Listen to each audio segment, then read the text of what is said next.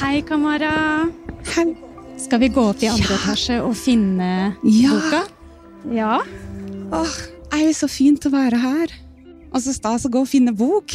På biblioteket. Den skal være i andre etasje eh, under lyrikk. Ja. Jeg stilte meg faktisk litt det spørsmålet hva slags sjanger er det? Det er lyrikk, altså. Den ble jo eh, nominert både eh, altså, for beste lyrikk, men også for beste sakprosa og kritikk. Og den Ja. kunne liksom ikke dømmes i begge kategorier, så de måtte velge, men det er lyrikk de har landa på. At det er et poetisk verk. Ja. Den heter jo An American Lyric. Se her. Rekker du opp? Dikt. Medborger er tre eksemplarer. Claudia Rankine. Sårt og viktig om rasisme. Deichman. Ja. Det er litt spennende å tenke på at noen snart skal komme hit og Å låne den, ja, det er eh, Det er skikkelig rørende. Ja. Mm. Du hører på Deichman-podkasten Utlånt til, der vi inviterer gjester til å fortelle om en bok som har betydd ekstra mye. Jeg heter Ida og jobber med program og formidling her på Deichman. Og dagens gjest er forfatter og dramatiker Kamara Lundestad Joff. Hjertelig velkommen til biblioteket. biblioteket. Tusen takk. Det er så fint å være her. Du elsker biblioteket, du. Jeg elsker biblioteket, jeg. Jeg gjør det. Jeg er skikkelig paddeflat forelska i biblioteket.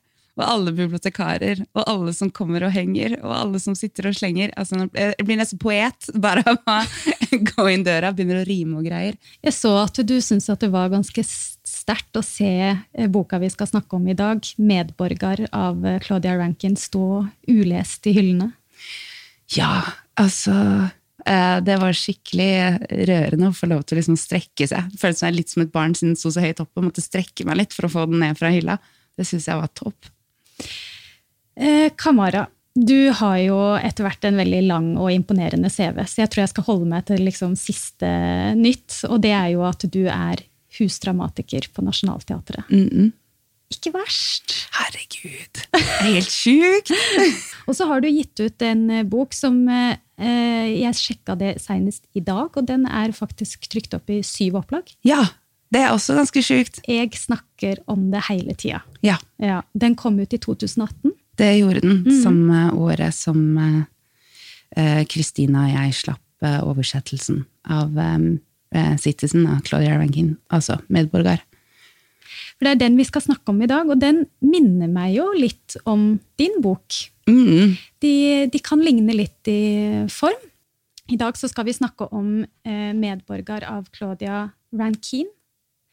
Eh, og den har du, som du nettopp sa, sammen med Kristina Leganger Iversen, oversatt. Ja, det Ja. kjennes litt sånn Får man lov til å snakke om bøker man har oversatt selv? Men jeg tenker når man elsker den så høyt som jeg gjør, så ja, det syns jeg. Jeg vil si at alt er lov i litteraturformidling. Ja, så bra!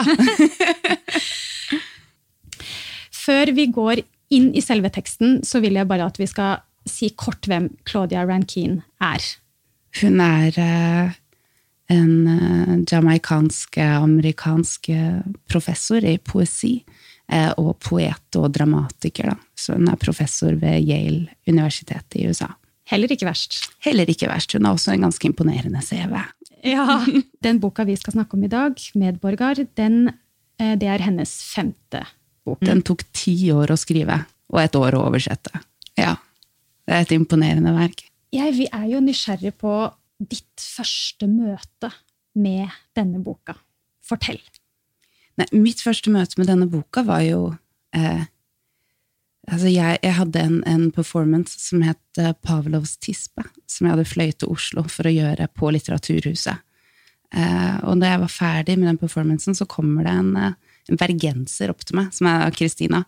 Eh, og istedenfor Jeg trodde hun kom for å gi meg et eller annet sånn form for kompliment eller tilbakemelding på den forestillingen jeg hadde stått og svettet fram på scenen. Men det første hun spør meg om, kjenner du til Claudia Rankine? Eh, og det gjorde jeg ikke. Og jeg ble sånn, det, nei, hun burde lese, jeg vil gjerne ha en samtale med deg om litteraturen hennes. Kan vi møtes?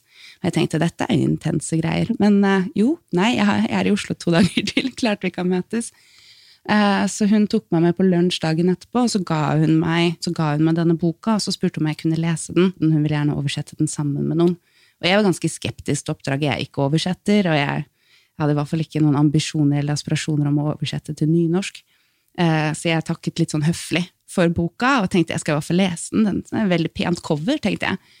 Og så tok jeg den med meg på flyet. Og så satt jeg på flyet eh, fra København til Oslo, nei, fra Oslo til København når jeg begynte å lese den for første gang, og det var eh, helt sånn skjellsettende. Du vet når du, når du, leser en setning eller en side eller leser noe som ryster deg så mye at du får et behov for å snakke med noen om det umiddelbart. Du får et behov for å beskrive følelsen du har i kroppen mens du leser til noen som kan forstå deg, men du sitter på flyet, så du kan ikke ringe noen. Du kjenner ingen. Det satt en sånn dame eh, som Vi hadde sånn sete imellom oss ledig, og så satt en dame sånn på utkanten, og jeg drev liksom, liksom og lente meg mot henne. litt sånn kan jeg snakke med deg? Tenkte jeg, kan jeg snakke med deg om hva som står i denne boka? Og det kunne jeg jo ikke, for det hadde vært galskap.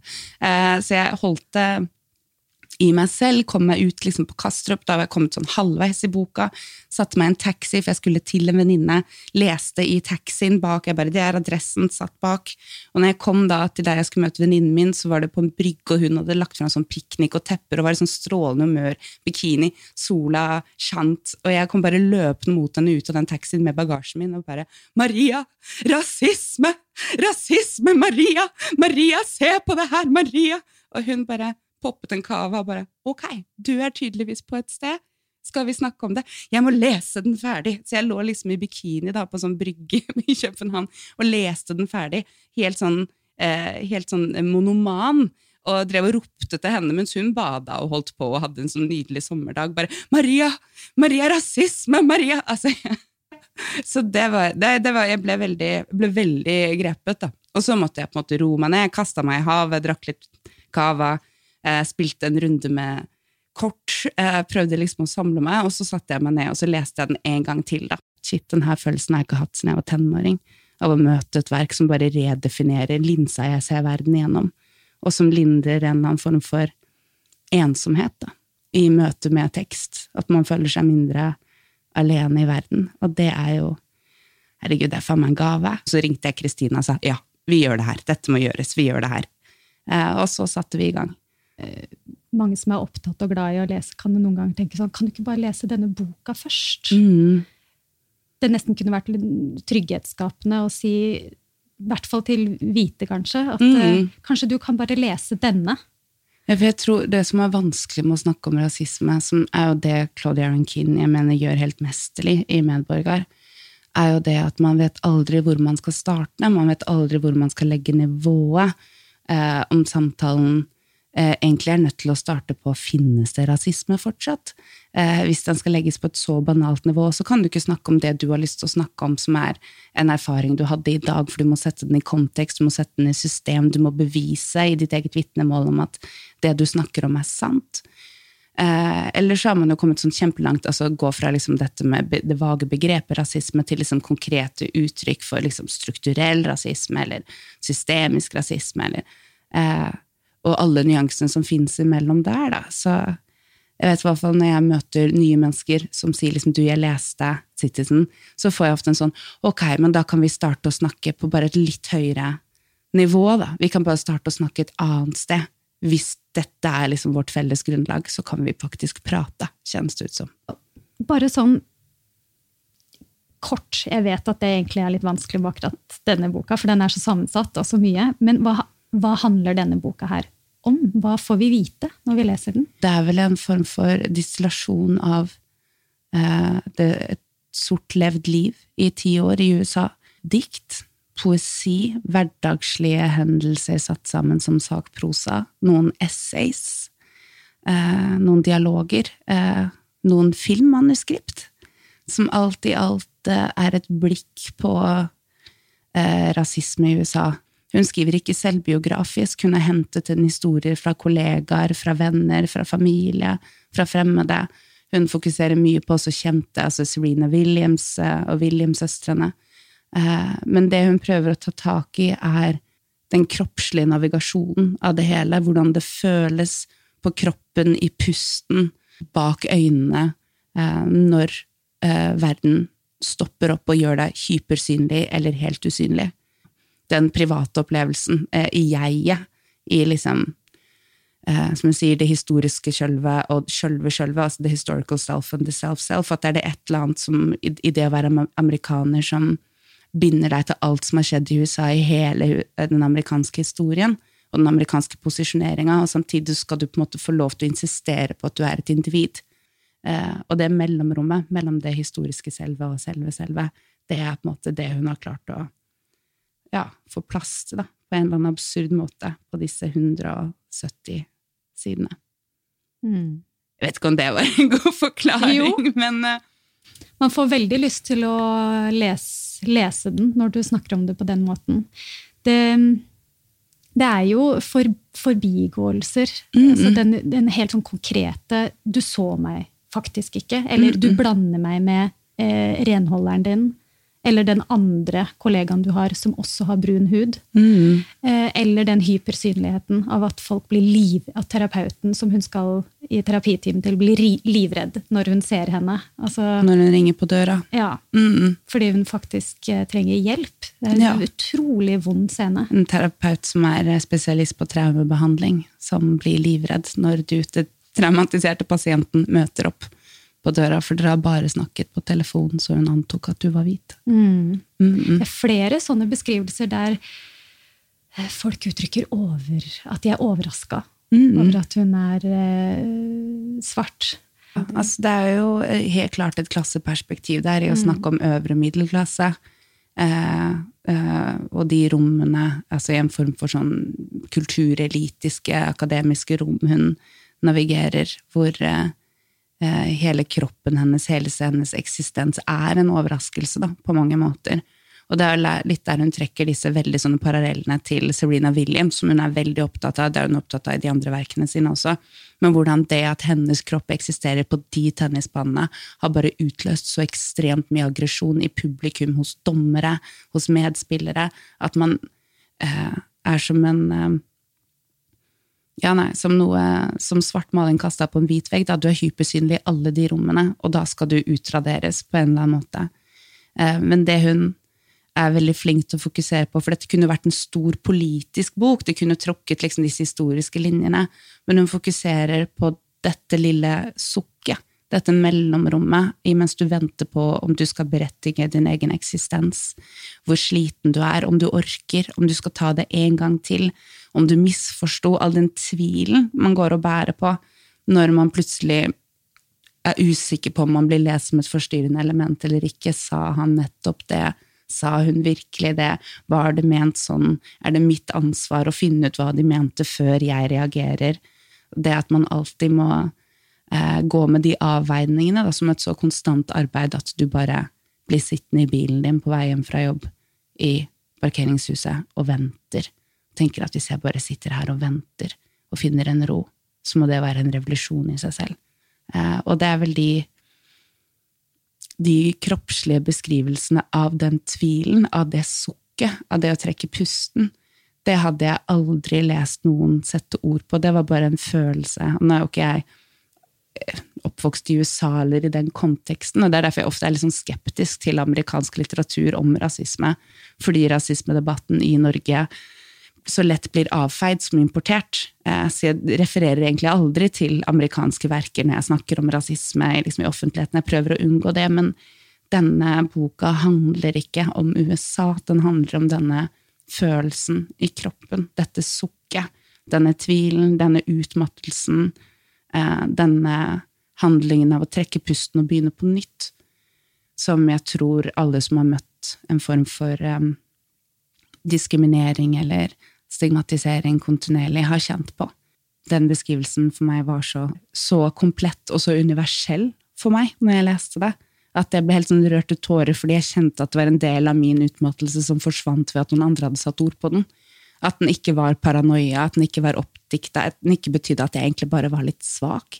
Litt dårlig rusta til å håndtere motstand. Folk håndterer det sikkert bedre enn meg, at jeg bare egentlig ikke bare er så skikkelig god til å leve da, eh, rundt andre mennesker.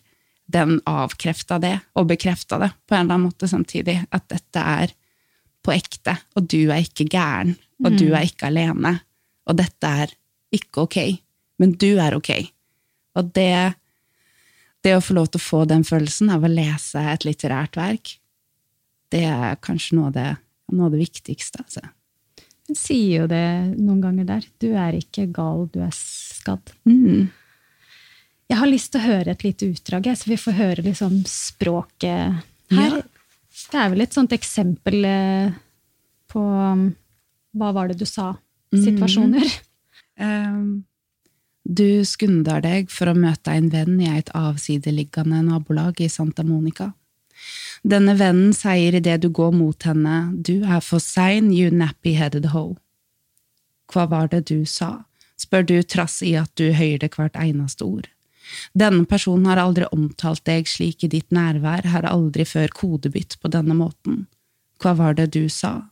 Hun gjentar det ikke, det er kanskje fysisk umulig for henne å gjenta det hun nett sa. Kanskje er innholdet i utsagnet hennes irrelevant, kanskje mener hun bare å spille på stereotypen om afrikansk tid ved å nytte det hun oppfatter som svart sleng. Kanskje er hun sjalu på hvem enn som opptok deg tidligere, og vil syne at du tyder ingenting eller alt for henne. Kanskje ønsker hun å ha en forsinka samtale om Don Imus og kvinnebasketballaget som han fornærma med en slik språkbruk. Du veit ikke. Du veit ikke hva hun mener, du veit ikke hva svar hun venter seg fra deg, og du bryr deg ikke. Fordi de fordi det tidligere har forstått hverandre så godt, kjennes dissonansen nå som valg. Det opplever begge dette stikket som hun holder fram med å insistere på at er en spøk, en spøk som blir sittende fast i vrangstrupen hennes, og som hver en annen skade ser du han rakne opp langs ei plutselig utildekt rekke av sting. Jeg syns det er et godt eksempel på mange av de her ja, situasjonene vi Mm. får i denne boka, der det er akkurat som du nevnte i stad, den ambivalensen. Hvem er det som skal ta ansvaret for å ordne opp mellom oss to nå? Mhm. Eh, Det er også alle de unnskyldningene hun bruker i, i, når hun prøver å rettferdiggjøre venninna sitt utsagn. Altså venninna sier at det var en spøk, mens hun prøver å tenke ok, men var det kanskje en politisk referanse til den skandalen som bare var liksom et par uker gammel, og derfor var det et forsøk på å vise meg at hun faktisk forstår at det foregår noe stort i verden, eller var det bare vennskapelig sjalusi for å sette meg ned, sette meg på plass, og så var det det som var tilgjengelig for henne, men det handler egentlig om vennskap, det handler ikke om rasisme, kan jeg unnskylde dette? Altså alle disse negeringene du gjør med deg selv da, før du gir beskjed og sier til et nært menneske at dette var ikke ok, og det sekundet det dette var ikke ok er uttalt, så er det noe som rakner. For da er det en anklagelse, og den anklagelsen er ofte hardere enn Eller blir oppfattet som hardere enn det som nettopp fant sted. Altså det går bort fra å handle om mine følelser av å være mottaker, til at den personen som har sagt det nedsettende, blir da mottaker for den anden, og så bare eskalerer det. Som gjør at man veldig ofte velger å ikke gi beskjed. Mm. Fordi kostnaden blir så stor. Det er det som er så utrolig bra med denne boka. Det er at man får muligheten til å leve seg inn i alle disse situasjonene, uavhengig av hvem man er. Man kjenner jo på spenningen her, og man vet hva som står i fare for å skje. Og pronomenbruken tenker jeg som boka er bygd opp du. Det er alltid du, og vennen er du, og jeg er du. Altså du snakker om du som deg selv. Så det er eh, man som leser, så får man lov til å flytte seg inn i hvilken som helst perspektiv, alltid, for det er alltid duet, da. Og du kan være du som blir adressert, eller du som adresserer. Og det kan man få lov til å forflytte seg litt i etter hva man er komfortabel med, tenker jeg, mens man leser. Eller som fortellerstemmen er en slags en som observerer da, og bare gir oss disse Ja. Eh, fortellerstemmen er jo duet. Altså duet som setter deg, duet som beveger her seg. Eh, I hvert fall i mange av Den er jo inndelt i er det seks, seks deler. Seks deler har jeg telt meg Ja, fram til. det er seks ulike deler, og det kommer jo an på hvilken del du er i. De mindre poetiske delene så leses det jo som om det er selvbiografi fra Claudia Rankine, at hun legger frem historier fra sitt liv. Eh, Men det gjør hun ikke. Hun har samlet de historiene. Det var kjempeviktig for henne at det ikke skulle være bare hennes historier, sånn at det ikke kunne avfeies som hennes opplevelse. Så derfor har hun samlet inn dusinvis, men alle fortalt fra ett stemmeperspektiv. da. Det får meg til å tenke litt på hva du har sagt om eh, skrivinga av din egen eh, bok. Mm. Jeg snakker om det hele tida, som også er sånn nedskrivelser. Altså Mm. sånn ditt eget vitnesbyrd. Sånn, så ikke noen skal kunne komme og si 'skjedde det egentlig sånn'? Var det Mm, og der var jeg helt omvendt. Det var kjempeviktig for meg at absolutt alt jeg skrev i den boka, var mitt. Ja. At det var ting jeg hadde opplevd. For jeg tenkte helt motsatt. Jeg tenkte at hvis én person hvis én person opplever alle disse tingene og dokumenterer dem ned, så kan det ikke avfeies. Mens hun tok den helt rake motsetningen og sa at det kan ikke avfeies til ett levd liv. Det må være flere.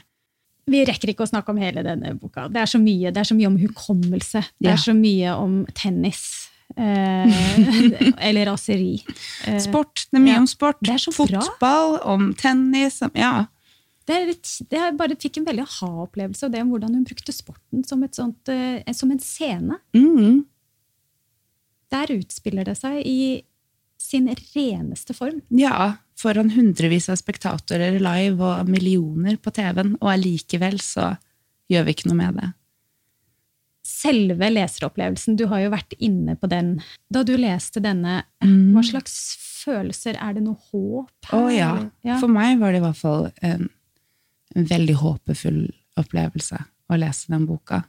Det fins et språk, det fins en måte å snakke om dette på som vi ikke vet hvordan vi snakker om. Det kan gjøres akkurat på den måten her, eh, og det er jo utrolig håpefullt. Eh, Det fins nye måter, andre måter, varme måter, harde måter, men det fins, da. Språket gir oss den muligheten. Så jeg opplevde det som veldig håpefullt, også selvfølgelig fordi det lindra en ensomhet i meg selv i å lese den, og det i seg selv er jo bare eh, vakkert. Eh, men, men ja, det ble veldig, veldig viktig for meg at den boka her skulle bli tilgjengelig, eh, også for de som ikke eh, er flytende i engelsk. Det ville at den skulle vært tilgjengelig for alle, og her er den på biblioteket! Ja, det var faktisk veldig mye lettere å lese den på norsk. Det er et ganske tungt dikt. Ja. Så det å få det på sitt eget språk, det, det hjelper. Du har, som man ofte gjør når man er oversetter, så Mhm. får man kanskje treffe forfatteren. Mm. Fortell. Nei, hun var på Hun kom til Litteraturhuset. Det var når Kristin og jeg hadde oversatt uh, Det hvite kortet, som er The White Card. um, som vi skulle sette opp da, i en sånn lesning på, på Litteraturhuset i Oslo. Uh, dette var vel i, i 2019. Eh, og vi skulle møte henne på kvelden i en sånn offisiell sammenheng. Og hadde bare, vi hadde vært og jobba døgnet rundt med å gjøre den iscenesettelsen klar, og allting på Litteraturhuset, så jeg var der bare og spiste lunsj med noen kollegaer. Og så plutselig så jeg at hun kom gående inn, bare sånn helt sånn casual dame gå inn på Litteraturhuset gjennom bokhandelen og titta litt rundt. Eh, og så var det selvfølgelig en velkomstkomité som så at hun var der, de kom løpende mot henne. Og jeg bare sånn, kan jeg, burde vente til klokka sju, vi skal møtes offisielt under middag klokken sju, kan jeg gå bort? Det virker teit å ikke gjøre det, er det teit å ikke gjøre det? Men, men, men. Og så de vennene som jeg var og spiste lunsj med, de bare, herregud, kan du bare gå bort? Det er bare et menneske. Kan du gå bort? Og jeg bare Det er sant. Er bare et menneske.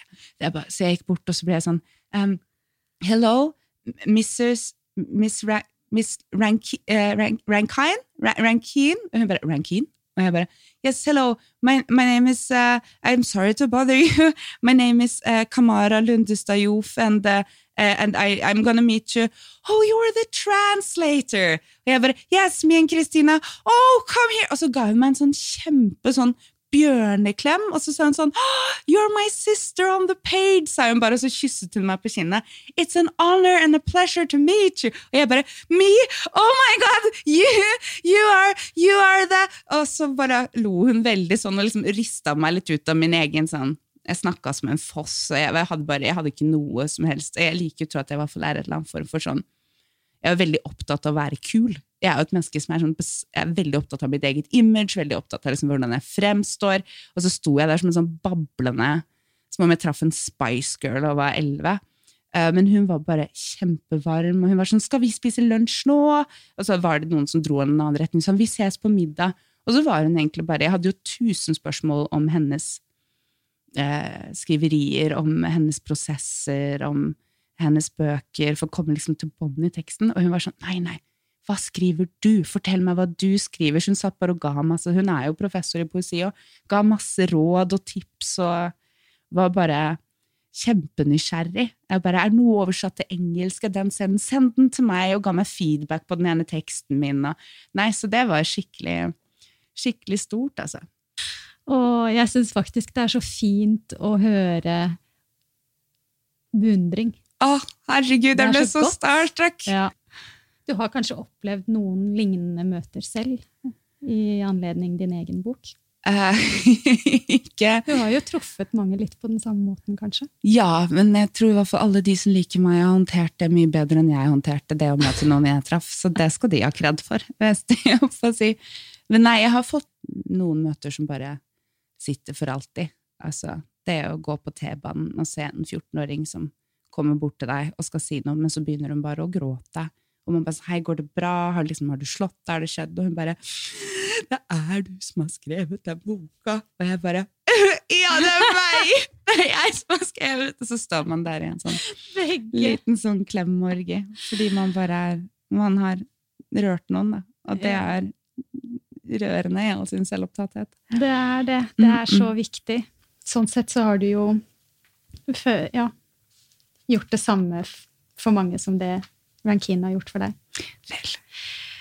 Du sa et eller annet sted i stad at det kan være lurt å sette av litt tid og vite at man har krefter til å lese denne boka. Jeg bare tenkte en siste setning om det. Dette er en bok man har lyst til å snakke om mens man leser den, så noen som har tid til å snakke med deg, også for å debrife, og jeg tenker spesielt hvis man har vært utsatt for rasisme selv, så kan det gjøre Da kan det være godt å, å snakke med noen som, som forstår utmattelsen, når du har lyst til å snakke begeistret om hvordan noe så grusomt kan bli beskrevet så vakkert, tenker jeg. Men eh, herregud, har du ikke en helg? Har du ikke en flaske vin? Har du ikke tid? Les den allikevel. Om det så bare er litt i lunsjpausen eller litt på trikken. Det må du bare ta deg tid til å lese den her, altså. Den Mm. er, den er verdt det. Mm, Den er verdt at det gjør litt vondt. enig. Kamara, tusen takk for denne samtalen. Jo, bare hyggelig. Takk for at jeg fikk lov til å komme og snakke om eh, favorittboka mi. Og takk til deg som har lytta til Deichman-podkasten Utlånt til. Boka vi snakka om, heter Medborger av Claudia Rankine, og kan naturligvis lånes og leses på biblioteket.